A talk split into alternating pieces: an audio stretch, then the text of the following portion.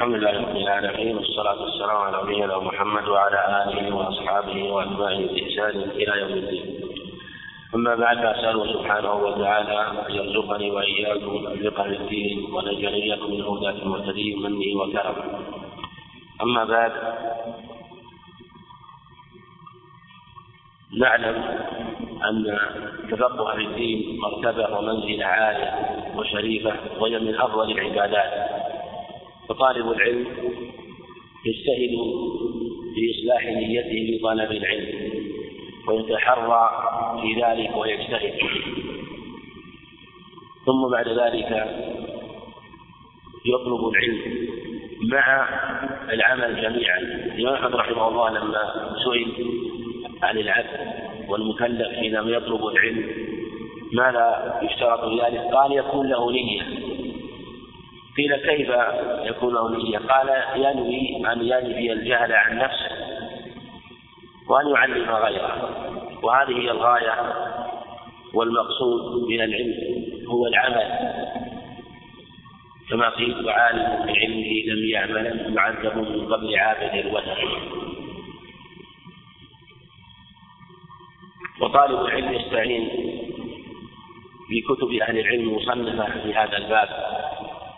وهي منها المطول ومنها المتوسط ومنها المختصر ومنها كما قيل المختصر ومنها الوسيط ومنها البسيط وأهل العلم صنفوا في هذا مصنفات كثيرة في العقيدة والتوحيد والفقه والتصنيف من القديم. بل كتابة الحديث والعلم من عهد النبي عليه الصلاة والسلام.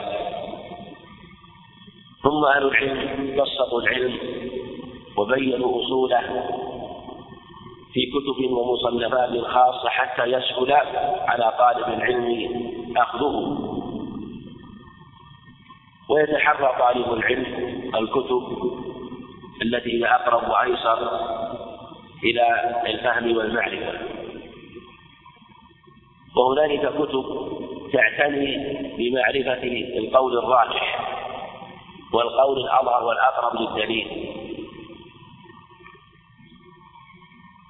ولم يزل في كل عصر أناس من أهل العلم يبينون القول الراجح الذي يظهر لهم مع تحري الدليل. ولهذا ترى العالم الذي يتحرى الدليل يختلف قوله.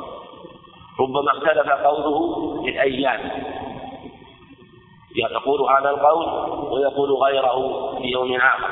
أما المقلد فإنه لا يتغير قوله لأنه يأخذ قوله من مصنف أو من شيخه الذي أخذ عنه وقلده ويتعصب له ولا يتغير عن هذا القول.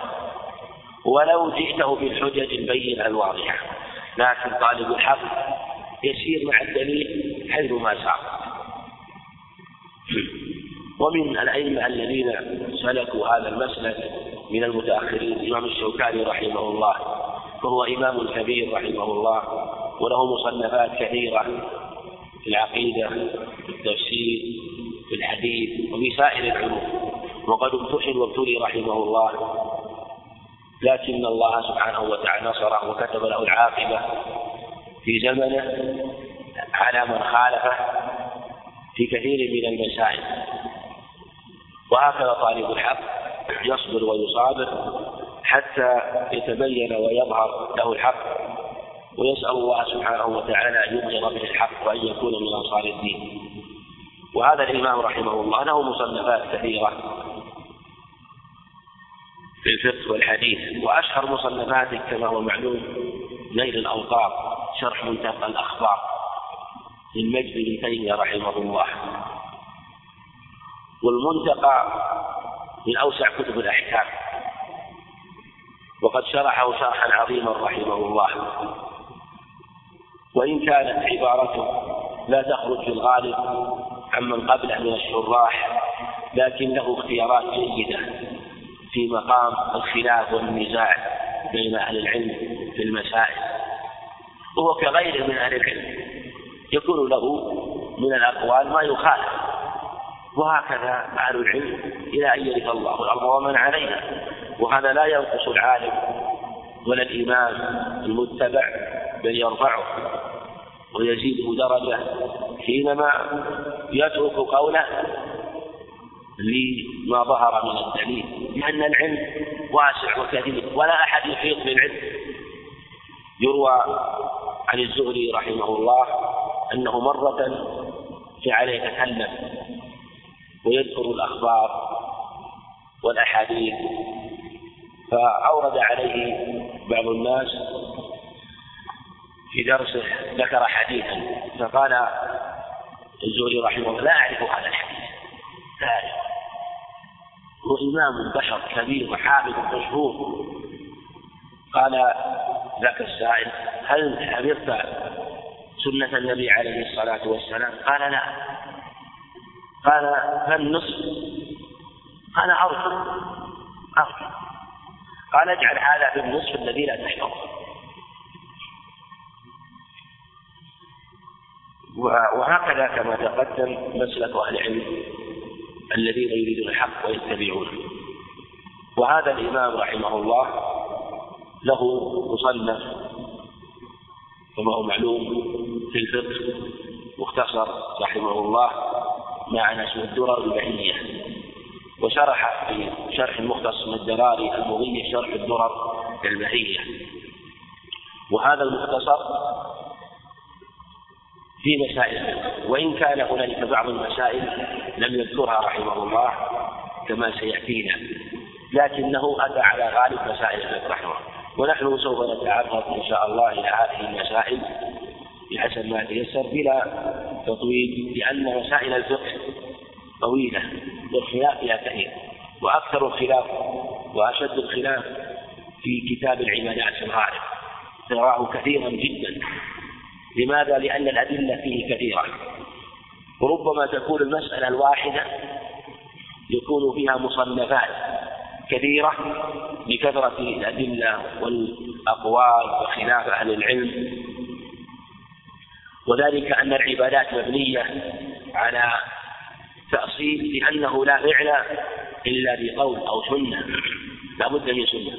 بخلاف أبواب المعاملات وغيرها من الأبواب فإنها مبنية على أن الأصل الجواز. ولهذا من منع شيء يقال ما الدليل؟ أما العبادات من أثبت شيئا يقال ما الدليل؟ ولهذا كثر الخلاف في مسائل الفقه كما تقدم لكن الحق بين ظاهر ولله الحمد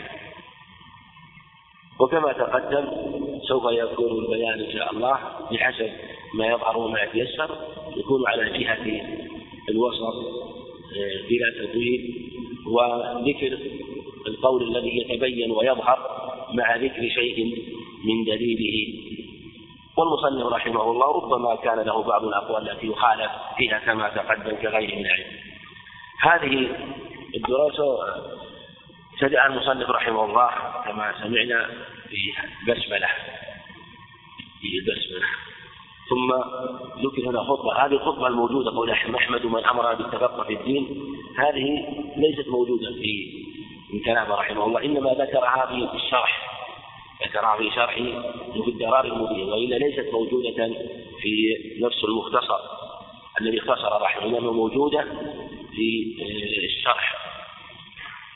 وفي بعض النسخ خطبة مختصرة.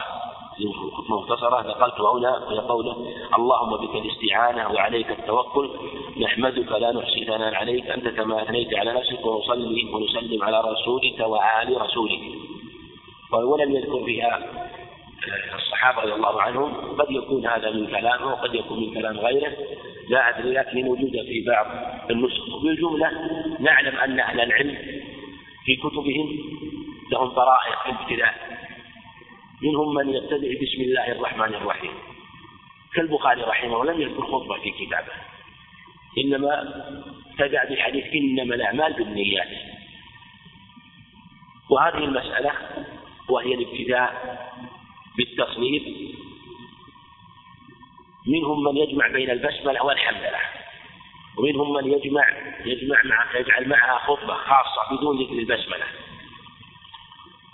والأظهر في هذه المسألة أن نقول إن كان كتابا مصنفا فالسنة أن يبدأ بالبسملة وبعد ذلك يقول الحمد لله رب العالمين. هذا هو الأفضل والأكمل. يجمع بين بسم الله الرحمن الرحيم والحمد لله رب العالمين. اقتداء بالكتاب العزيز وهو القرآن العظيم الذي هو إمام الكتب وأعظمها و وإمامها فالصحابة رضي الله عنهم ابتدأوا بسم الله الرحمن الرحيم في هذا الكتاب الإمام. وأوله سورة الفاتحة الحمد لله رب العالمين. وعلى هذا طريقة كثير من العلم وهذا هو الأولى والأكثر. ومن لم يذكر مع بسم الله الرحمن الرحيم شيء إما ذكر شيئا ينزل منزلا الخطبة أو أنه حمد الله لنفسه. كما ذكروا عن البخاري رحمه الله. هذا فيما يتعلق بالكتب التي يكتبها أهل العلم. القسم الثاني مما يبتدأ من الكلام في الرسائل الخاصة بين شخص وشخص. أو بين جماعة وجماعة. فهذه السنة والأولى أن يبتدأ أن تبتدأ ببسم الله الرحمن الرحيم وحدها. وهذا هو الذي ثبت عن النبي عليه الصلاة والسلام في كتابه في كتابه في الكتاب الذي كتبه بينه وبين قريش. قال بسم الله الرحمن الرحيم. هذا ما صان عليه محمد بن عبد الله أو محمد.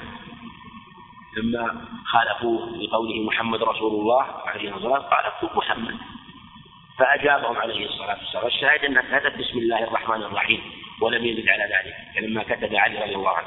كذلك لما كتب إلى هرقل قال بسم الله الرحمن الرحيم محمد عبد الله ورسوله إلى هرقل عظيم الروم أسلم تسلم. والحديثان في الصحيحين. والقسم الثالث مما يبتدأ به الخطب. فهذه السنة أن يبتدأ بالحمد لله. وقد كان عليه الصلاة والسلام يبتدئ بقوله إن الحمد لله نحمده ونستعينه. وعلم أصحابه رضي الله عنهم كما حديث مسعود في الخطب وغيرها بالابتداء بالحمد لله. وعلى هذا يتنزل كل ابتداء بحسبه. فإن كانت رسائل عامة وهي الكتب يجمع بين بسم الله الرحمن الرحيم والحمد لله. وإن كانت خطب خطبة الجمعة خطبة العيدين خطبة الكسوف الاستسقاء السنة أن يبتدأ؟ بالحمد لله. بعض العلماء يرى أن خطبة الاستسقاء بالاستغفار وخطب العيد بالتكبير وسائر الخطب بقولها الحمد لله. وهذا التفصيل لا دليل عليه والأظهر ما تقدم. وإن كانت كما تقدم كتب خاص وإن كانت رسائل خاصة أو كتبا خاصة كما فإنه يبتدأ بسم الله الرحمن الرحيم. وإن كانت كتبا عامة فيجمع بينهم. هذا هو تحرير القول في هذه المسألة فيما يظهر. والمصنف رحمه الله هنا ابتدأ بسم الله الرحمن الرحيم. وكما تقدم سوف آه، يكون الكلام في هذه المسائل بحسب ما تيسر. وأيضا لا بأس من أن يكون هنالك من البحث والمراجعة أو إثارة بعض المسائل التي قد تغيب للمناقشة فيها وأتم وأكمل للفائدة ثم بعد ذلك آه، يكون إشارة إلى جمع المسائل في الدرس الآتي على سبيل الاختصار في ابتداء الدرس نشير إلى إليها على سبيل الاختصار آه، أو إلى شيء مما تيسر منها قبل الابتداء. يقول رحمه الله بسم الله الرحمن الرحيم. قول بسم الله هذه اختلف المعربون فيها اختلاف كثير وفي معناها لكن أظهر بأنها أن الجار والمجرور قول بسم الله متعلق بمحذوف. والأظهر أن يقدر فعلا خاصا متأخرا يناسب المقام. هذا هو الأحسن. يقول قدر بعضهم قال بسم الله والمحذوف أبتدأ أو ابتدائي والأحسن أن يقدر في كل موضع ما يناسب. الإنسان إذا أراد أن يأكل يقول بسم الله. استقدر بسم الله أكلي. أكلي الطعام بسم الله. إذا أراد أن يشرب بسم الله شربي أو أشرب. كذلك نقول إذا كان يصنف أو يكتب يكون التقدير بسم الله أصنف أو أؤلف. أما لو قال بسم الله أبتدئ يكون عام. هل يبتدئ مثلا بسيره في سفره أو يبتدئ مثلا بطعامه أو يبتدئ مثلا بخروجه من منزله أو بدخوله إلى المنزل أو ما أشبه ذلك. الأحسن يقدر فعلا خاصا متأخرا يناسب المقام بسم الله هنا أصنف. وعلى هذا تكون يكون جار مجرور في محل نصب. جملة جار في محل نصب بالفعل المحذوف المقدر. ولفظ الجلالة مضاف والرحمن الرحيم صفتان. ولفظ الجلالة على الصحيح وقول أهل العلم إلا خلاف شاذ أنه مشتق. من آله يأله إلهة وهو من الحب. الرحمن الصفة العامة التي يرحم بها عباده. الرحيم المتعلق التي يرحم بها. يرحم بها عباده. والرحمن صفة عامة لجميع هي صفة عامة وهي وصفه سبحانه وتعالى والرحيم صفة خاصة وهي فعله أي التي يرحم بها سبحانه وتعالى. نعم.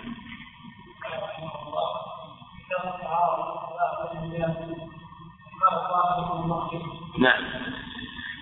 يقول كتاب الطهارة. كتاب خبر مبتدأ محذوف أي تقدير هذا كتاب هذا كتاب. كتاب الطهارة. الطهارة كما نعلم هي افتتاح الصلاة ولهذا ابتدأ بها المصنفون رحمة الله عليهم كتبهم في أبواب الفقه.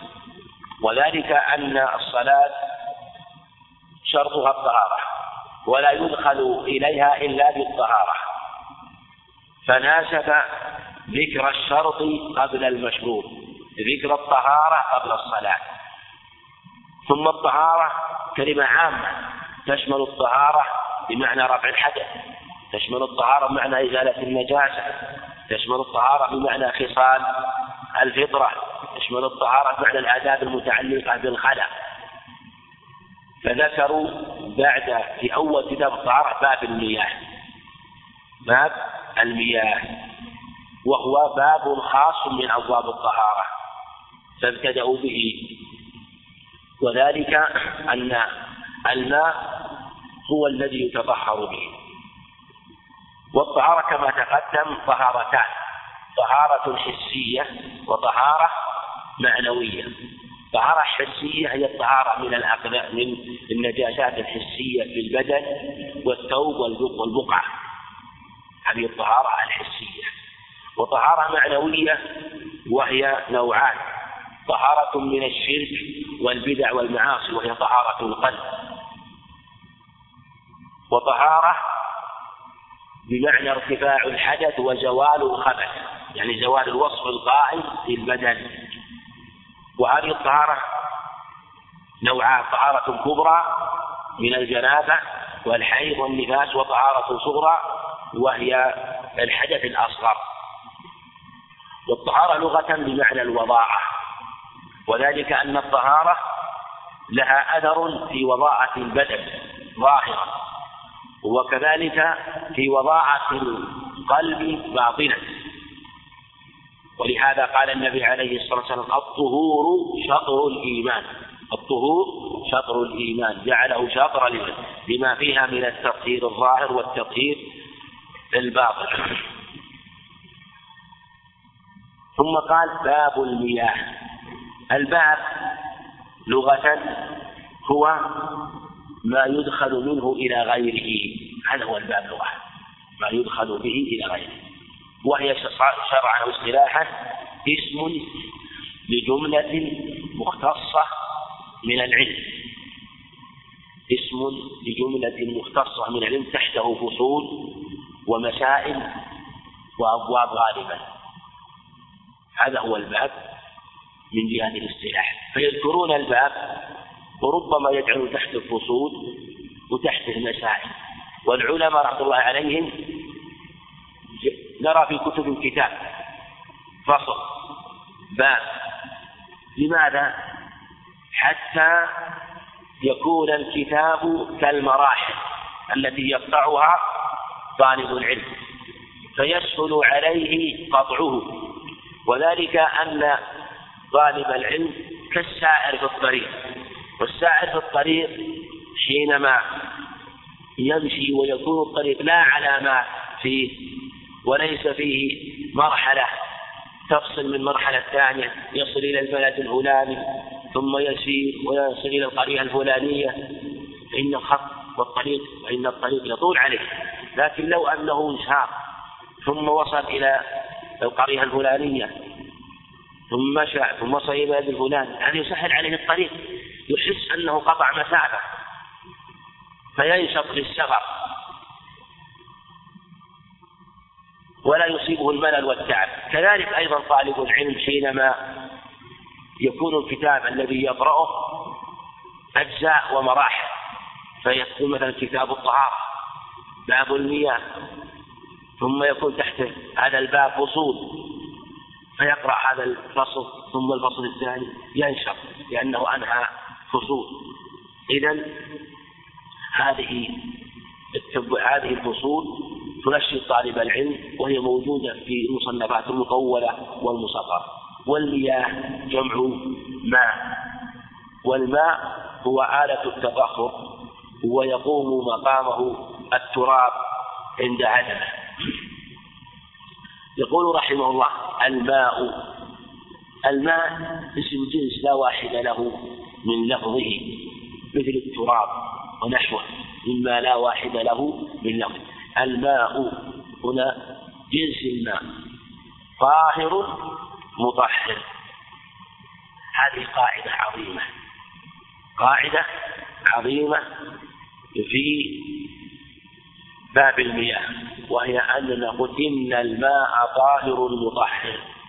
المصنف رحمه الله بدأ بهذه العبارة أو طاهر مطهر لأن أهل العلم مختلفون في هذين العبارتين في طهارته وطهوريته لكنه قال طاهر مطهر. إذا هذه قاعدة عندنا أن نقول إن الماء طاهر مطهر. ولو قلت إن الماء طاهر أو الماء مطهر حصل المقصود. لكن جيء بهذين القيدين لأن أهل العلم اختلفوا في الماء. وفي أوصاف منهم من يجعل الماء طاهر وطهور وجعلوا للطهور أحكام وللطاهر أحكام. يعني هو قسم ثالث وهو نجس. ومنهم من لم يقسمه إلا إلى قسمين ماء طاهر وماء نجس. لكن لماذا قال ماء طاهر ومطهر؟ لأجل أن يبين القول الصحيح وأنه لا يقسم يقال إن الماء فيه طاهر غير مطهر وفيه طاهر مطهر وهو الطهور.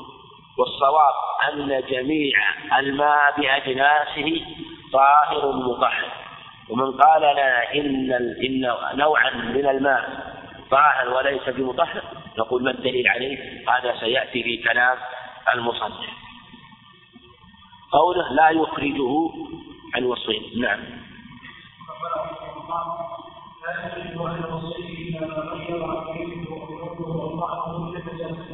نعم.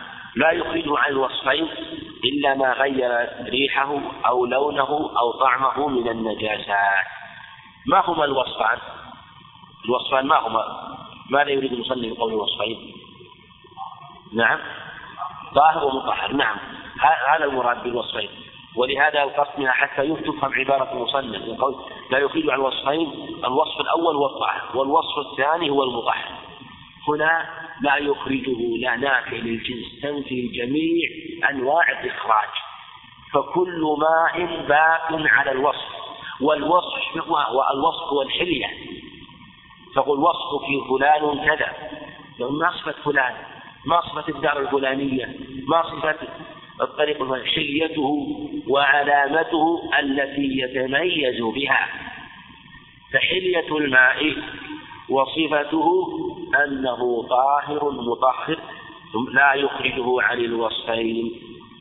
شيء ما لا يخرج عن هذه الوصفين مطلقا مهما تغير. لكن استثنى المصنف رحمه الله أمورا دل عليها الدليل إلا ما غير. ما هنا موصل يعني إلا الذي غير. وعلى هذا لا يكفينا مجرد التغير لا. قد ترى الماء متغير ترى طعمه تغير ترى لونه تغير ترى ريحه تغير. نقول هذا لا يخرجه عن وصف الطاهرية والطهورية إلا ما غير ريحه. هذا هو القسم الأول. إلى قوله من النجاسة وهذا القسم الأول من التغير من التغير بالنجاسات. لأن التغير نوعان إما تغير بنجاسات أو تغير بغيرها. ذكر القسم الأول وهو الأهم وهو التغير بالنجاسة. إلا ما غير ريحه. إيش معنى أي بنجاسة؟ الماء إذا تغير ريحه بنجاسة فهو نجس. ذلك أنه لم تكن ريحته لم تكن رائحة النجاسة صدرت منه إلا لنجاسة إذا الماء في هذه الحال نجس. إذا ظهرت رائحة النجاسة لا إذا ما تروح بنجاسة فرق بين أن تكون الرائحة منه وبين أن يتروح بنجاسة فالماء قد يتروح بنجاسة مجاورة. قد يكون يجاور نجاسة ميتة مثلا.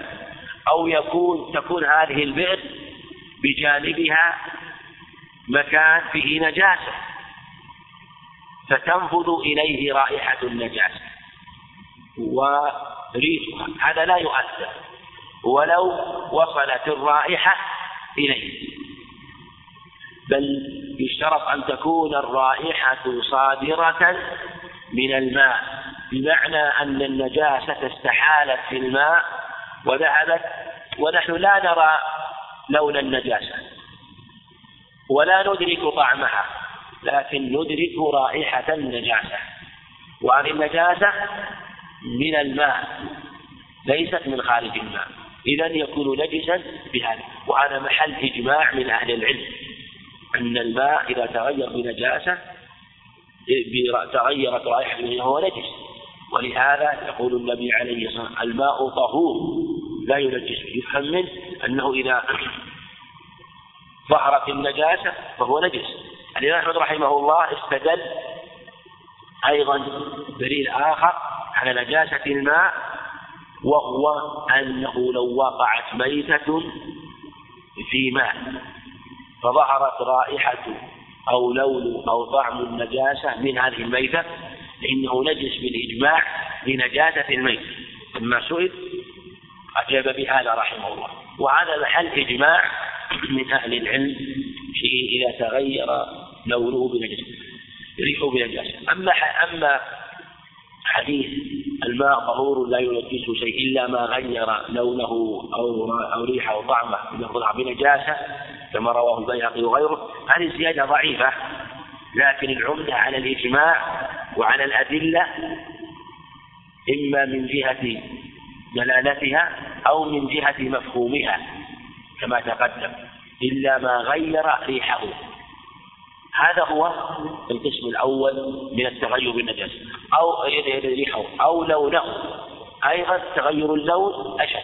ولأن المصنف رحمه الله ذكر الرائحة ثم اللون لأن اللون أبلغ من الرائحة أو الطعم. الطعم أبلغ ريحه أو لونه وطعمه اللون أبلغ من الرائحة. لأنه في الغالب إذا ظهر اللون ظهرت الرائحة. وفي الغالب أن اللون يكون معه طعم. لكن لو لم يظهر طعمها فاللون يكفي اللون يكفي في وجود النجاسة. وإذا كانت رائحة النجاسة تؤثر فلونها يؤثر. أو طعمه أيضا إيش معنى الطعم؟ أن يجد طعم النجاسة. إذا هذه المغيرات الثلاثة التي يكون الماء بها نجسا يكون الماء بها نجسا. لكن لو أنه وجدت نجاسة في الماء وظهر لونها ثم بعد ذلك استحال اللون. أنت رأيت النجاسة ثم استحال اللون. أو رأيت أو أدركت الرائحة ثم ذهبت الرائحة. أو رأيت طعما أو أدركت طعم النجاسة ثم ذهب طعمها. شو نقول في هذا الماء؟ هل نبقي نجاسته في حكم ما رأينا أو نقول إنه تغير حكمه؟ واضح؟ نعم. وش يظهر لكم في هذا؟ نعم. رفع الصوت. لكن لو قال أن أصل النجاسة ظهرت النجاسة فيه. باللون والطعم والرائحة.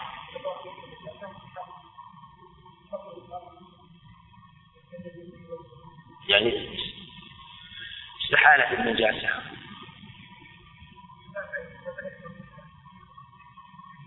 طيب يعني يعني لما يعني المعول على وجود العين أو اللون أو الرائحة فذهبت نعم. نعم الرأس شوي إيه.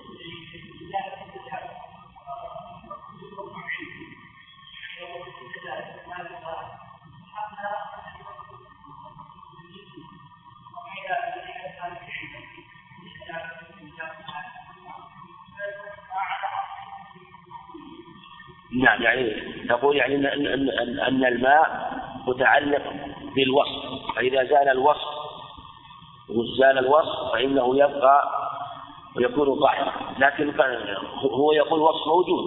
هو الأصل كان أصل الأصل الوصف أصل الوصف موجودا في لونه أو طعمه أو رائحته. لكن أنا لا أراه الآن. هل نحكم بمجرد زواله بالطهورية أو ننظر يعني حينما مثلا أنت متيقن وعندنا قاعدة اليقين لا يزول بالشك. اليقين لا يزول بالشك. أنت متيقن أن النجاسة موجودة. ثم بعد ذلك تقول إنك لم ترى النجاسة. لم ترى لونها ولا طعمها ولا رائحة. هل تقول هذا اليقين زال أو باقي أو تنظر؟ نعم.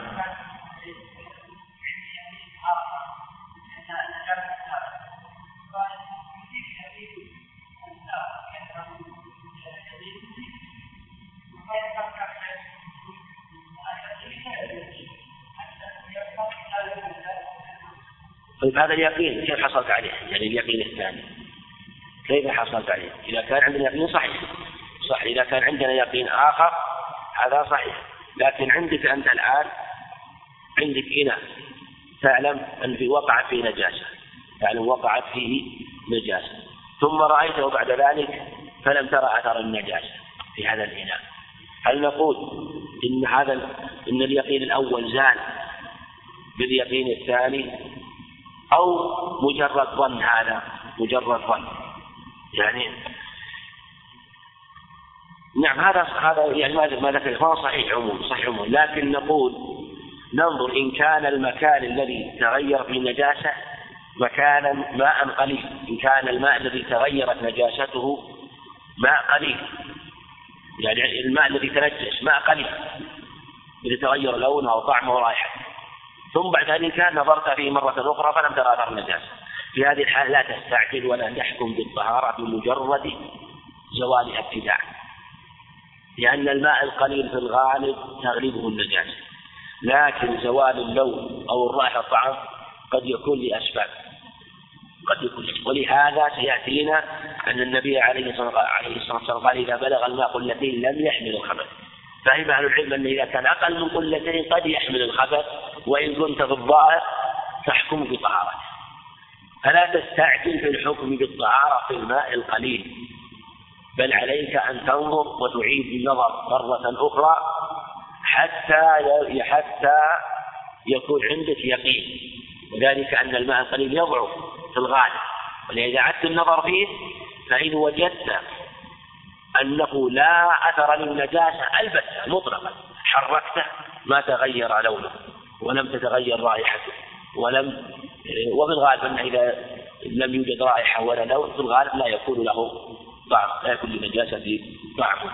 أما إن كان الماء كثيرا وقعت في نجاسة وأنت رأيت النجاسة فيه مثل لو كنت مثلا يعني على مكان بركة مثلا كبيرة وترى فيها نجاسة عذرة في جانبها الذي يليك مثل غدير كبير في البرية. ثم جئته بعد ذلك فلم ترى أثر. هذه عذرة وجدت هذا قد استحالت وذهبت. نقول في هذه نحكم بالطهارة لأن الماء الكثير الذي يكون في الغدران الكبيرة أو في الأحواض الكبيرة يغلب النجاسة باضطراب هذا الماء وبتدافع أطرافه وأيضا ربما باستخدامه من غيرك ولا نكلفك بالنظر والتعمد ولأنه لا يمكن في الغالب النظر فيه. ولهذا ترى المياه الكثيرة التي تكون في الطرقات ما حاجة تنظر فيها ولا تتأمل. والنظر والتأمل فيها نوع من التكلف لهذا كلما كان الماء مستبشرا كثيرا فلا حاجة إلى النظر فيه حتى يكون كالبحار والأنهار. إذا يكون موضع النظر في المياه القليلة التي هي موضع التغير. ولهذا سيأتينا أن النبي عليه الصلاة والسلام وضع حدا بين الماء القليل الذي هو أقل من قلتين وهي نحو من 200 لتر والماء الكثير. فجعل الماء القليل يضرب عن عن حمل النجاسة لماذا؟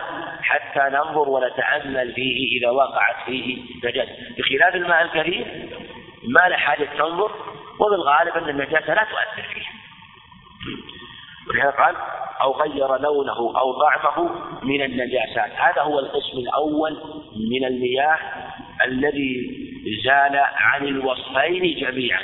زال عنه الوصفان جميعا. ليس بطاهر ولا مطهر وهو إذا لم يكن طاهرا فمن باب أولى أنه ليس مطهر بالإجماع.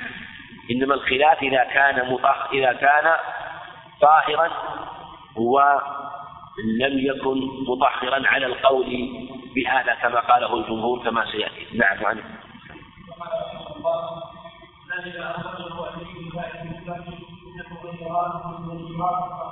نعم. هذا هو الثاني. وهو ما أخرجه عن اسم الماء المطلق. يعني وعن الثاني وهو قوله مطهر إذا الوصف الأول هذا ما في إشكال. وموضع إجماع. ينبغي أن نعلم أن القسم الأول هذا لا خلاف فيه. لكن معترك الخلاف قصدي لا خلاف فيه إذا نجس وإلا في خلاف فيما إذا وقعت النجاسة في الماء القليل. وهذه سنة ممكن نشير إليها في القسم الثاني.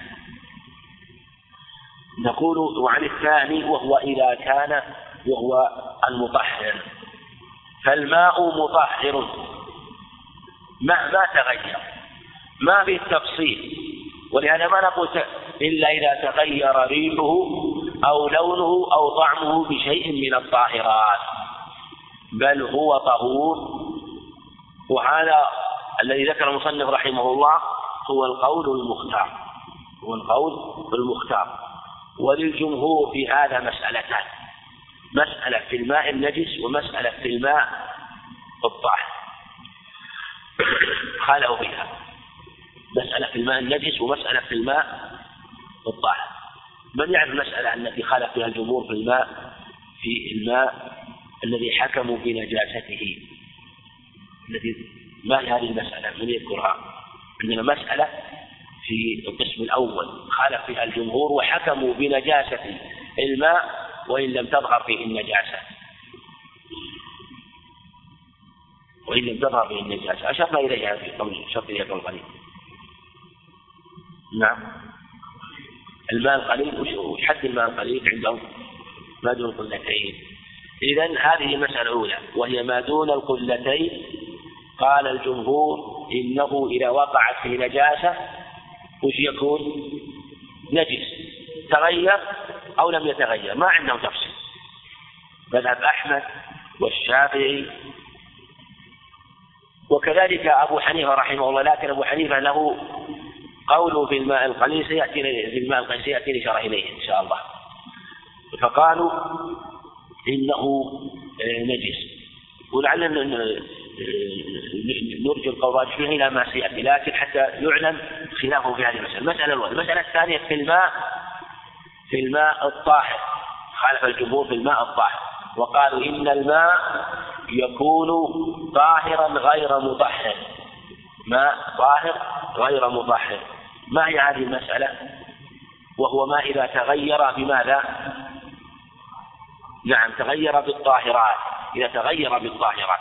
إذا هذه مسألة مسألة في الماء لحكم نجاسته وإن لم تظهر النجاسة وماء آخر طاهر لكنه غير مطهر بتغير بالطهارات المصنف رحمه الله يقول إن الماء لا يخرج عن الوصف الثاني وهو المطهر عن اسم الماء المطلق من المغيرات الطاهرة.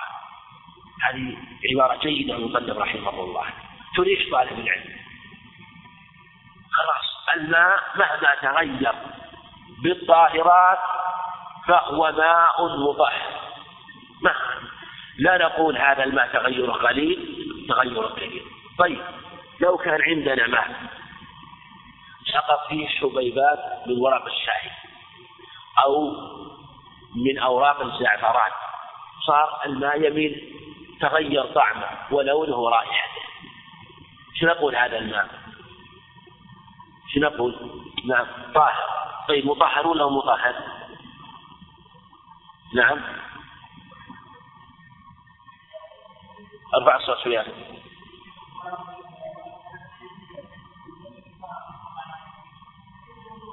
إذا غلب عليه. إيه احسن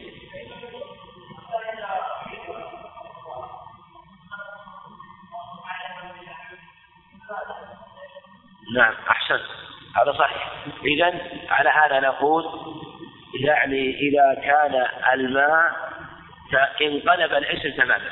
ما عاد يسمى ماء. سمي الشاي سميه عصير. جميع المسميات في هذه الحالة نقول هذا ليس ماء. ولهذا المصنف قال عن اسم الماء المطلق. اسم الماء المطلق. ما دام أنه يسمى ماء فإنه طهور مطهر. ولو تغير لونه. ولو تغير طعمه ولو تغيرت رائحته بعض الفقهاء يقول إن تغير لونه. ومنهم من يقول يعني صفة واحدة. ومنهم من يقول إن تغير لونه وطعمه صفتان ومنهم يقول إن تغير لونه وطعمه رائحته ثلاث صفات لابد أن يتغير ثلاث صفات ومنهم من قال إنه ولو تغير لونه أو طعمه أو رائحته فإنه ماء مطلق. فلو قال إن هذا ليس بماء أقول شو الدليل عليه. وهذا الذي ذكره المصنف رحمه الله هو الصواب في هذه المسألة. بعض المسائل تقول هو الأظهر أو الأرجح أو الأقرب لكن هذه نقول هي الصواب. المسألة حينما يكون قولها بينا ما في مانع نجزم نقول نقول هي الصواب ولا ولا تتردد.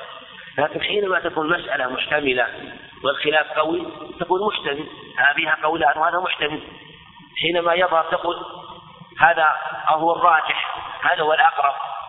لكن حينما يكون قول بين تقول الصواب.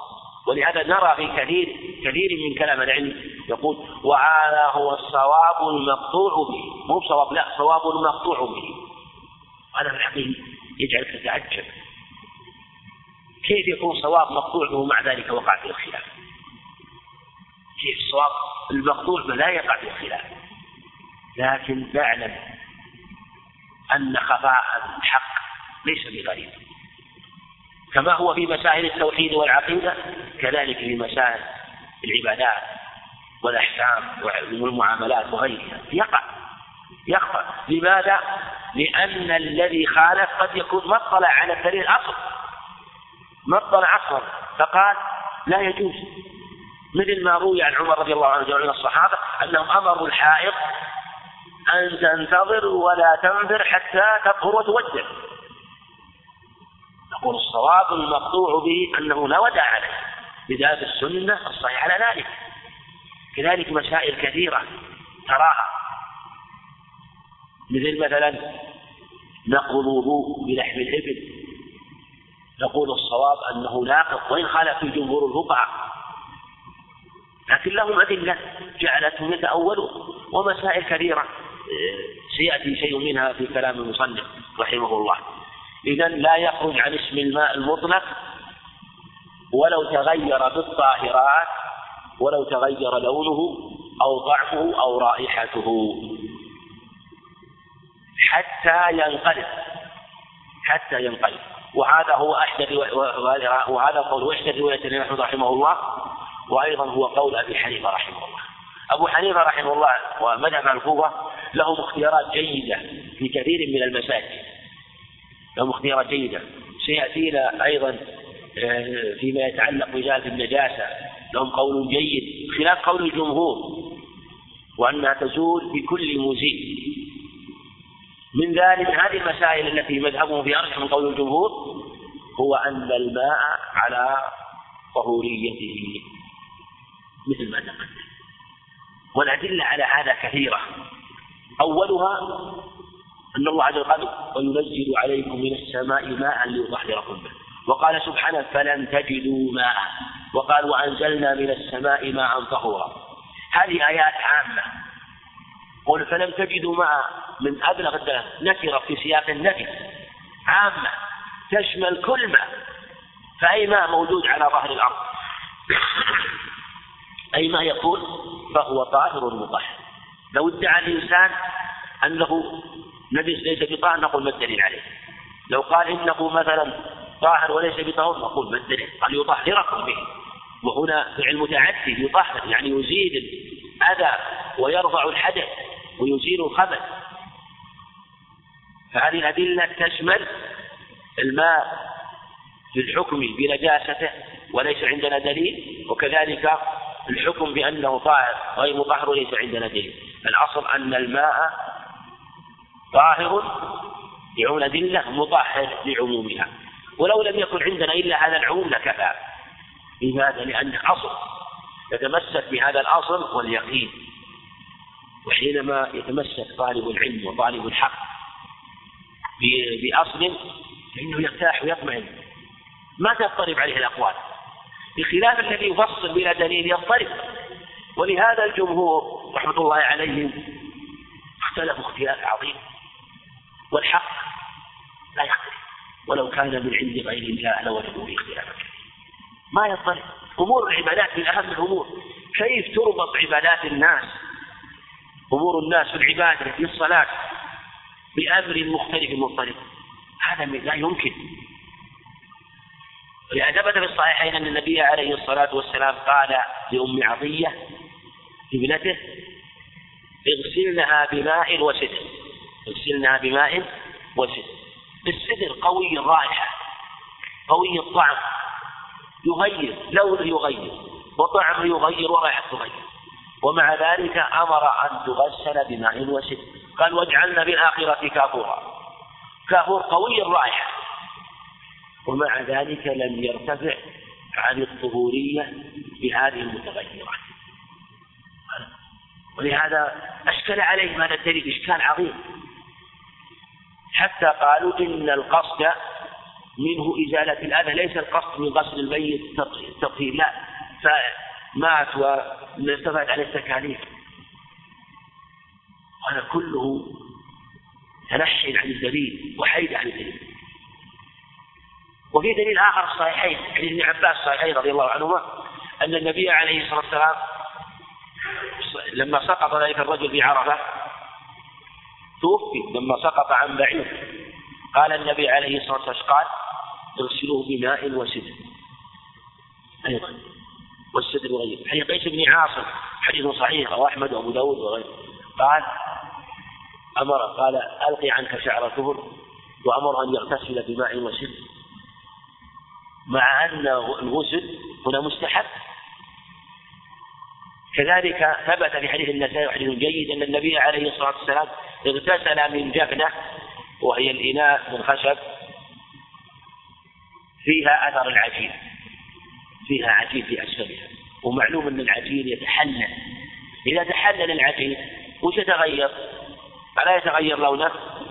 إلى البياض وكذلك طعمه ورائحته رائحة العجين ولم يبالي عليه الصلاة والسلام. أيضا عندنا ماء محل إجماع. طهارته وهو شديد تغير الطعم. ما هو هذا الماء؟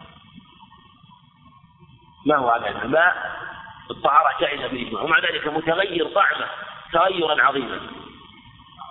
نعم. البحر. ماء البحر وهو بالإجماع مطهر. إلا خلاف الشافعي وعن عبد الله بن عمرو وعن عبد الله بن عمر ولا يصح عنهما أما حيث أن تحت الماء تحت البحر نارا وتحت الماء بحر حتى سبعة حتى سبعة أبحر وسبعة أميار وحديث لا يصح رواه داود وغيره. ولو صح لا دلالة فيه على على ما ذكروا الماء ماء البحر متغير. طعمه تغير عظيم هم يقولون لو أنك وضعت ملحا في ماء ملح في ماء أخذت ملح المعدني هذا ووضعته في ماء وش حكم الماء عندهم؟ غير مطهر لماذا؟ غير طيب قلنا ماء البحر قالوا تغير ماذا؟ لماذا؟ اجابوا عن ماء البحر؟ انه نعم والطهور ماؤه طيب هذا حج عليه. لكن الشريعة ما تفرق. الشريعة ما تفرق بين الدليل ما تفرق بين المتماثلين المتماثلان مجتمعان. ما تفرق. قال إذا كان البحر والطهور ماؤه فالماء إذا وقع فيه ملح طهور. لما تفرقتم؟ الشريعة ما تفرق بين متماثلين ولا تجمع بين مختلفين، الشريعة متفقة مختلفة. قالوا هذا في أصل خلقته. يعني لا يصح يعني قالوا في أصل خلقته. قلنا لو كان هذا دليلا لبين النبي عليه الصلاة والسلام حتى لا يشتبه بالماء المتغير بغيره. طيب لو سلمنا هذا قلنا لهم مثلا الماء الذي في البركة عندنا مثلا البركة مثلا فوقها يعني شجرة عنب يسقط الورق عليها يسقط الورق عليها وتغيرت هذه البركة من هذه الأوراق. الأوراق تحتت وتقطعت كسرت وصارت مثل الطحين أو ذابت في الماء والماء صار أخضر من شدة الطحالة حكم الماء عندهم هذا. طيب حكمه متغير. طيب. طاهر ولا ولا مطهر ولا غير مطهر عندهم؟ لا وش يقولون؟ هم؟ هم يقولون مطهر. يقولون مطهر. لماذا؟ يقولون لأنه تغير بما لا يشق صون الماء. شوف انظر. تقييدات المذهبية متعبة. يأتون هذا يقولون في أصل خلقته. طيب هذا هذا تغير بما لا يشق صون الماء ولهذا يقولون لو أنك هذه الأوراق أنت أخذتها حملتها بيدك ورميتها قالوا ما تتوضأ. لكن سقطت بالهواء أو بالريح تتوضأ. يبين التناقض والاختلاف في مثل هذه المسائل. يجعلك تنظر إلى تتمسك بالعصمة والقول الواضح الذي لا تغير. فكونه يقول هذا تغير بأصل هذا تغير بما يشق صون الماء حينما يضطربون فيخرجون شيئا بتقييد وشيئا يكون خرج بالإجماع. مثل ماء البحر أحيانا بعضهم يقول أن ماء البحر خرج بالإجماع.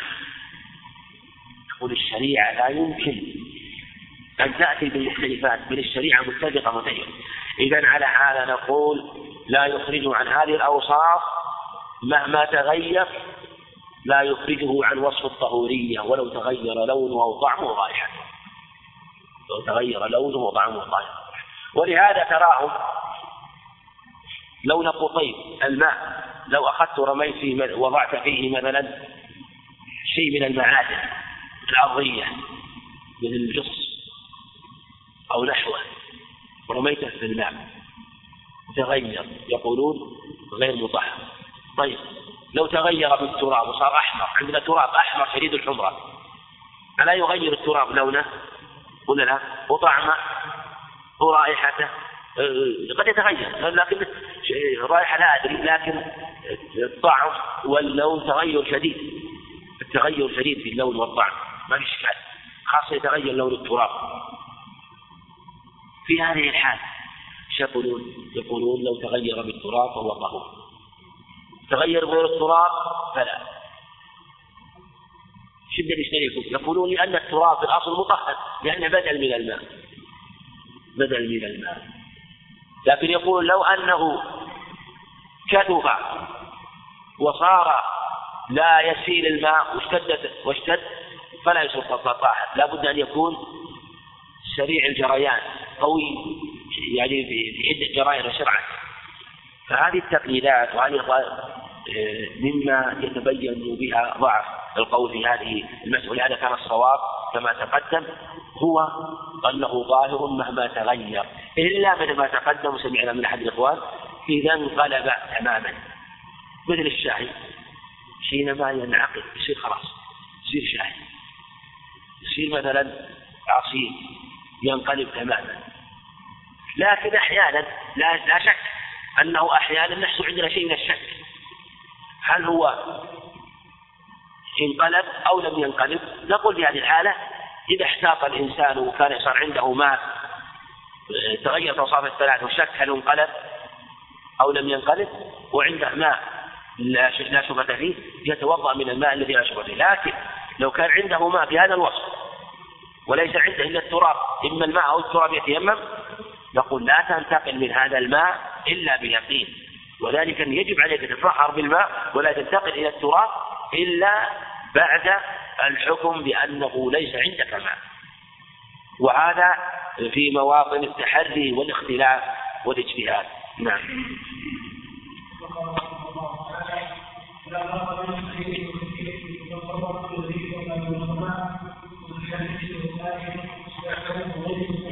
كذلك أيضا هذه المسائل الحقيقة مسائل طويلة جدا. لكن المصنف اختصرها قول لا فرق بين قليل ولا كثير. وش يشير إليه رحمه الله؟ بين قليل ولا كثير. نعم خلاف الجمهور. نعم خلاف الجمهور في التفريق بين الماء القليل والكثير. وأن القليل إذا وقعت في نجاسة حكمه إذا إذا وقعت في نجاسة حكمه تقدم معنا نجس. نعم نعم نجس.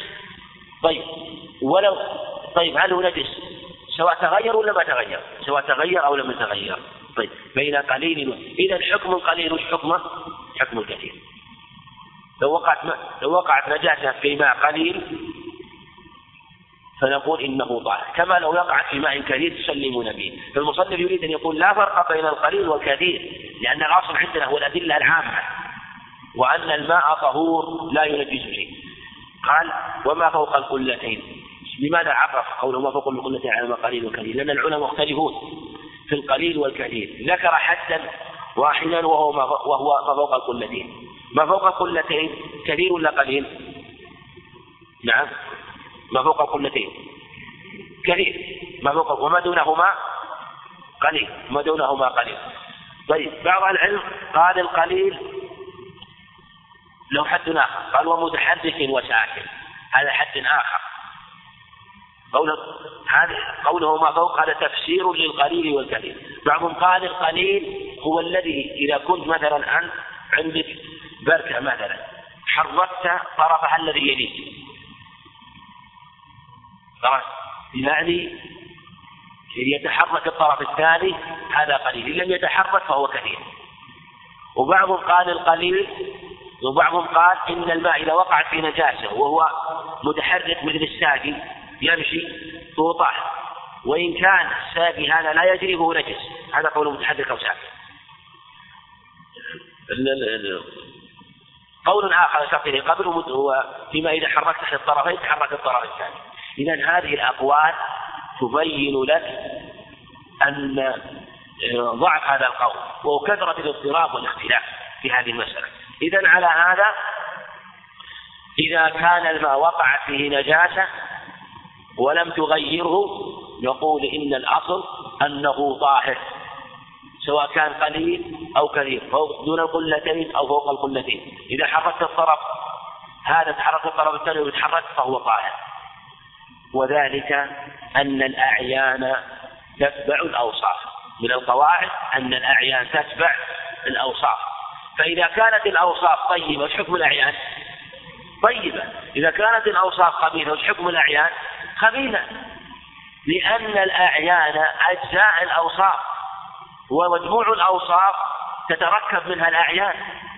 فهذا الماء الذي هو مركب من من أجزاء كثيرة ما دام أن وصفه العام طيب ليس فيه لون النجاسة ولا طعمها ولا رائحتها فعين الماء جميعه طاهر مطهر لماذا؟ نقول إنه نجس.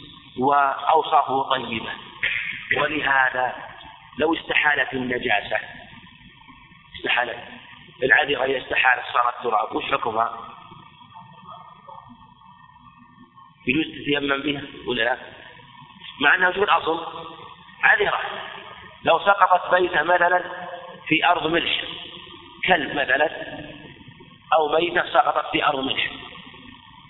بفعل مع المدة انقلبت هذه الميتة صارت؟ ملح. يصير هذا يصير هذه الميتة. طيبة ولا خبيثة؟ طيبة.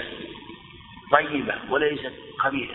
لكن أنا أشير أيضا إلى أن المذاهب الفقهية تأثرت بالمذاهب الكلامية في الحقيقة ولهذا الذين نجسوا قالوا إن الميتة إذا انقلبت إذا انقلبت إلى نجاسة يقولون إنه لا يجوز تناولها.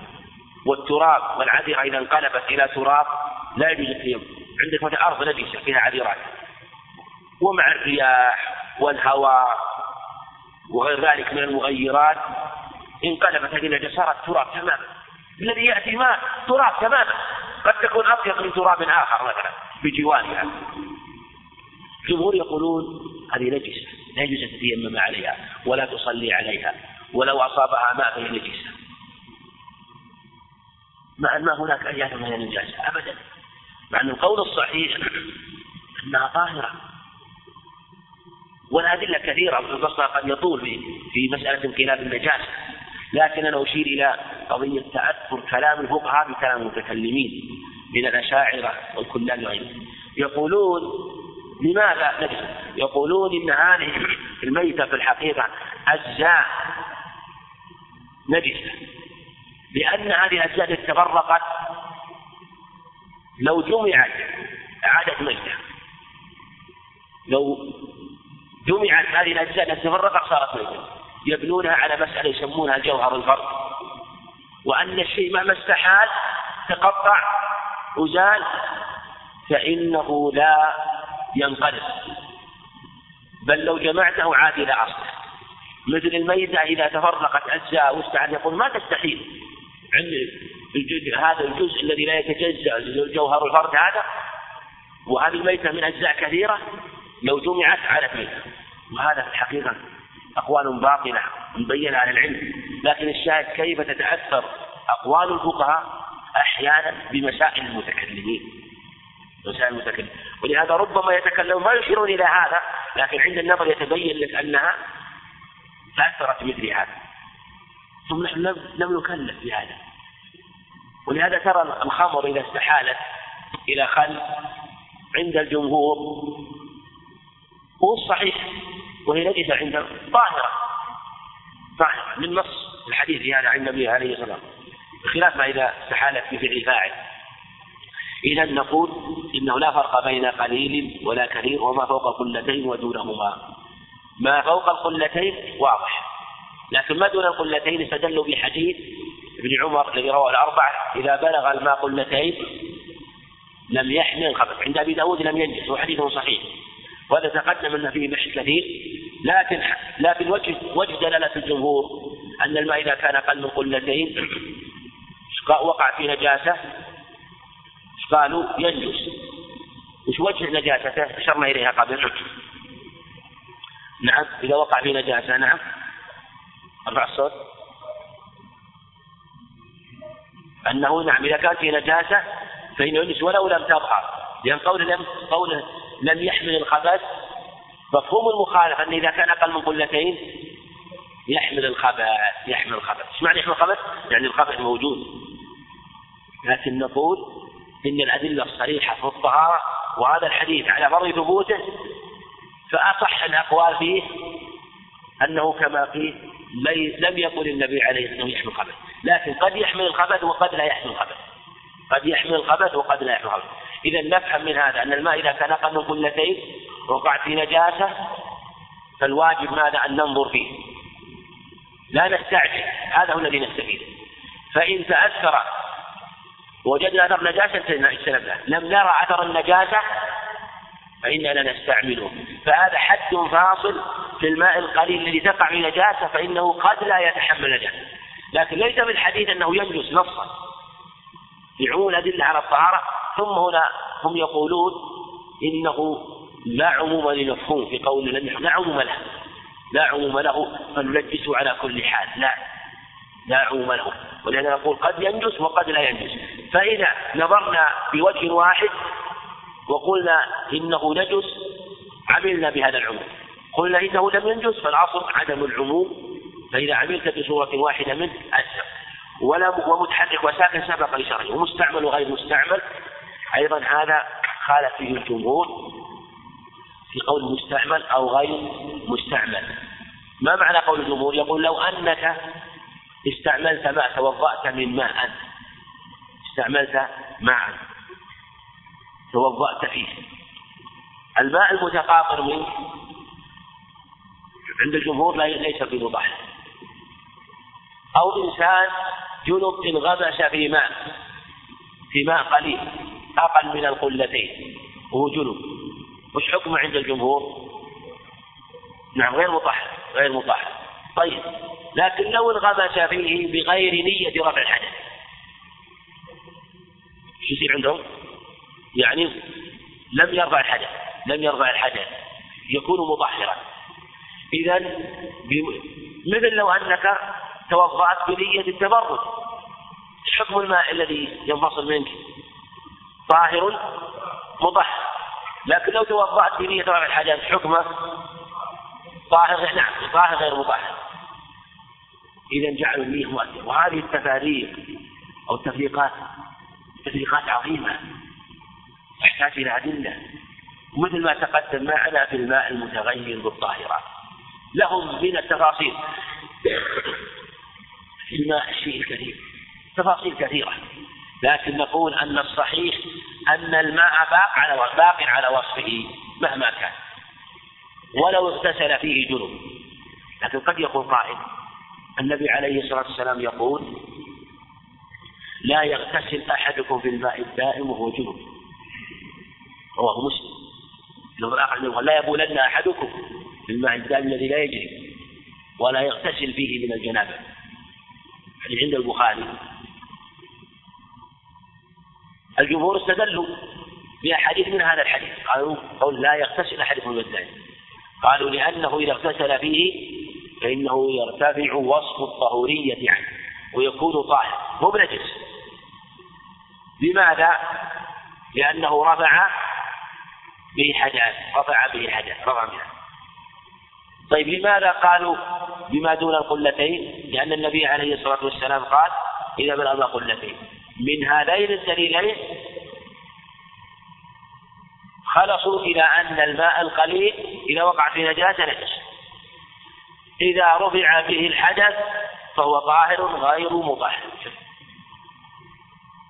هذا تفاصيل عظيمة.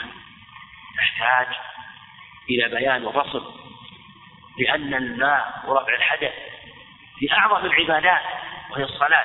فكيف لم تأتي هذه التباريع والتفاصيل عن النبي عليه الصلاة والسلام؟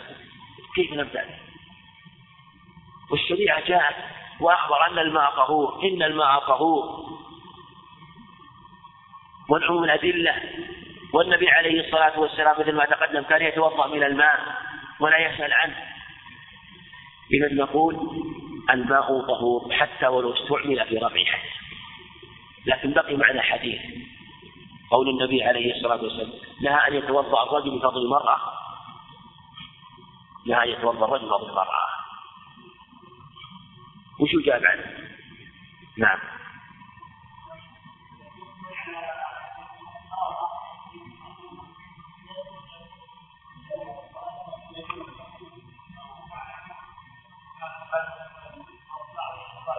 نعم حديث ابن عباس.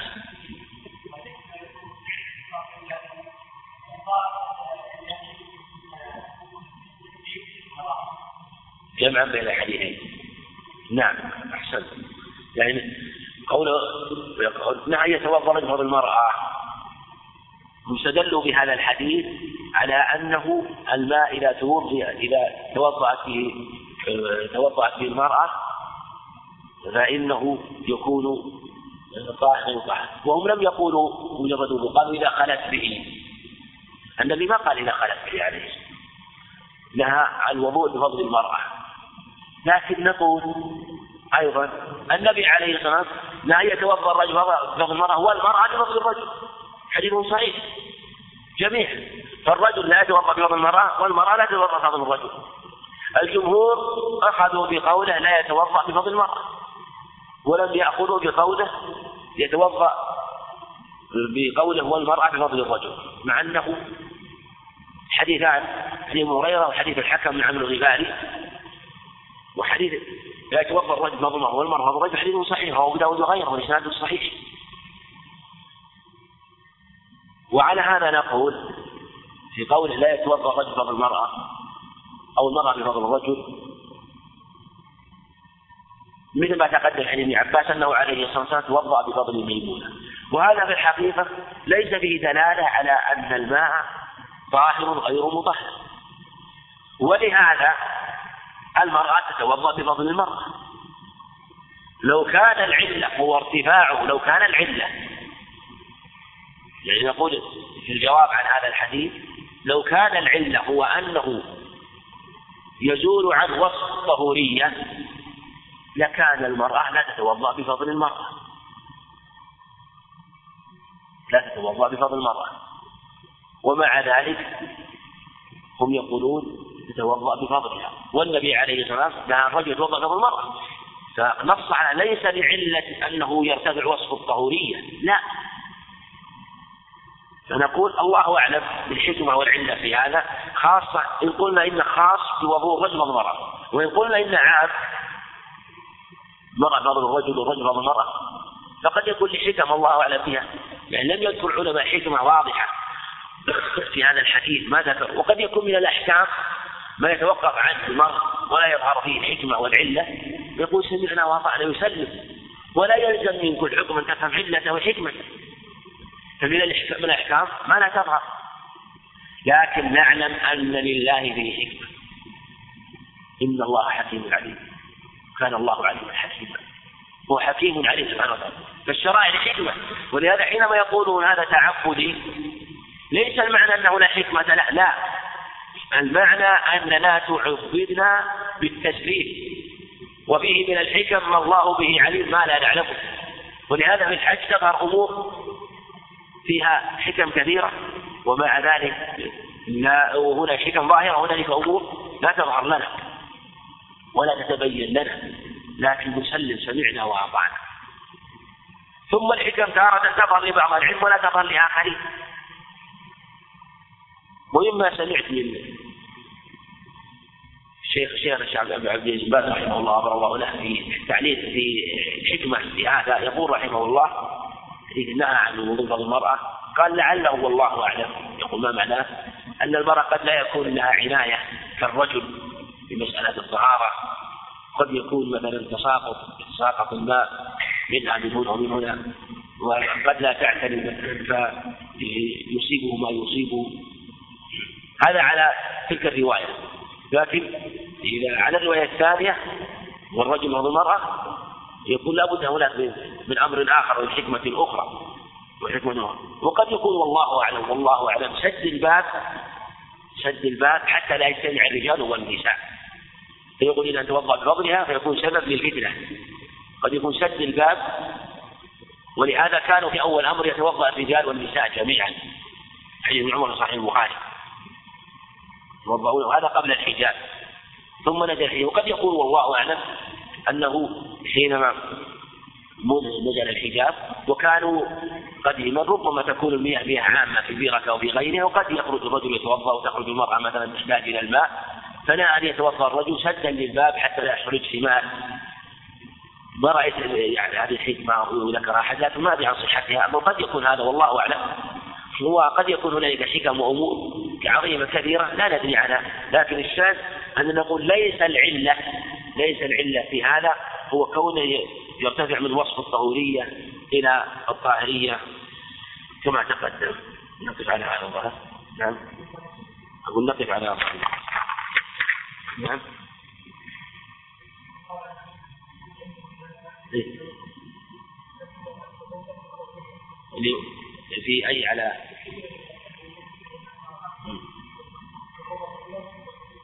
نعم.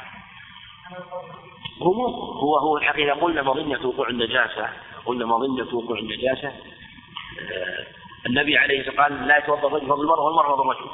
وما ذكر النجاسة. قال لا يتوضأ الرجل فضل المرأة والمرأة بفضل الرجل. لأن كون مثلا موضع موضع نجاسة هذا يعني قد يقال من البعيد مثلا. يعني مظنة النجاسة. يعني لأن الذي يتوضأ في الغالب خالي من النجاسة.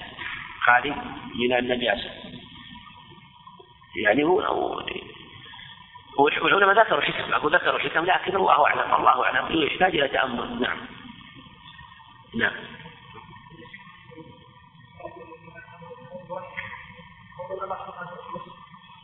شك. إيه. إيه.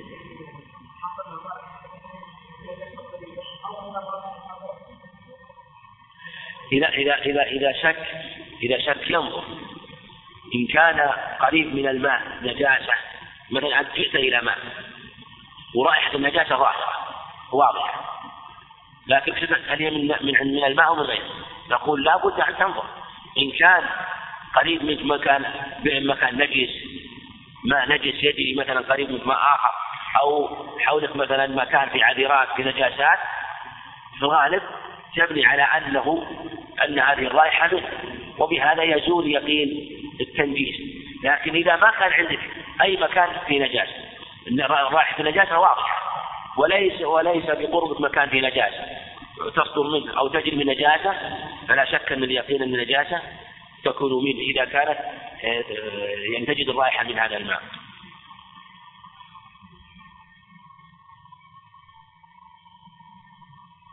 نعم. نعم.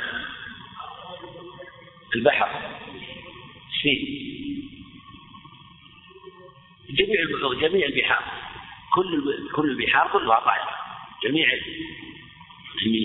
البحر الميت البحر الحي البحر كلها كلها طاهرة يعني. إجماع هو محل إجماع أقول محل إجماع من العلم ولهذا البحر من حكمة الله ومن رحمته سبحانه وتعالى إنه لا يتغير. ولهذا ميتاته طاهرة يعني من رحمة حتى لو في ميتة ميتاته طاهرة حلال. ثم الصحيح جميع ما فيه فهو طاهر جميع ما فيه فهو طاهر سواء مأكول إلا ما استثني آه، لضرره مثلا.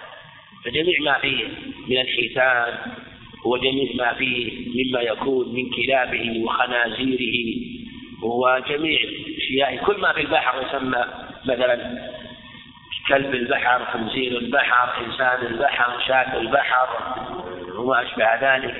جميع ما في البحر كله حلال مأكول طيب وميتته طاهرة والطهور ماء الحل ميتته.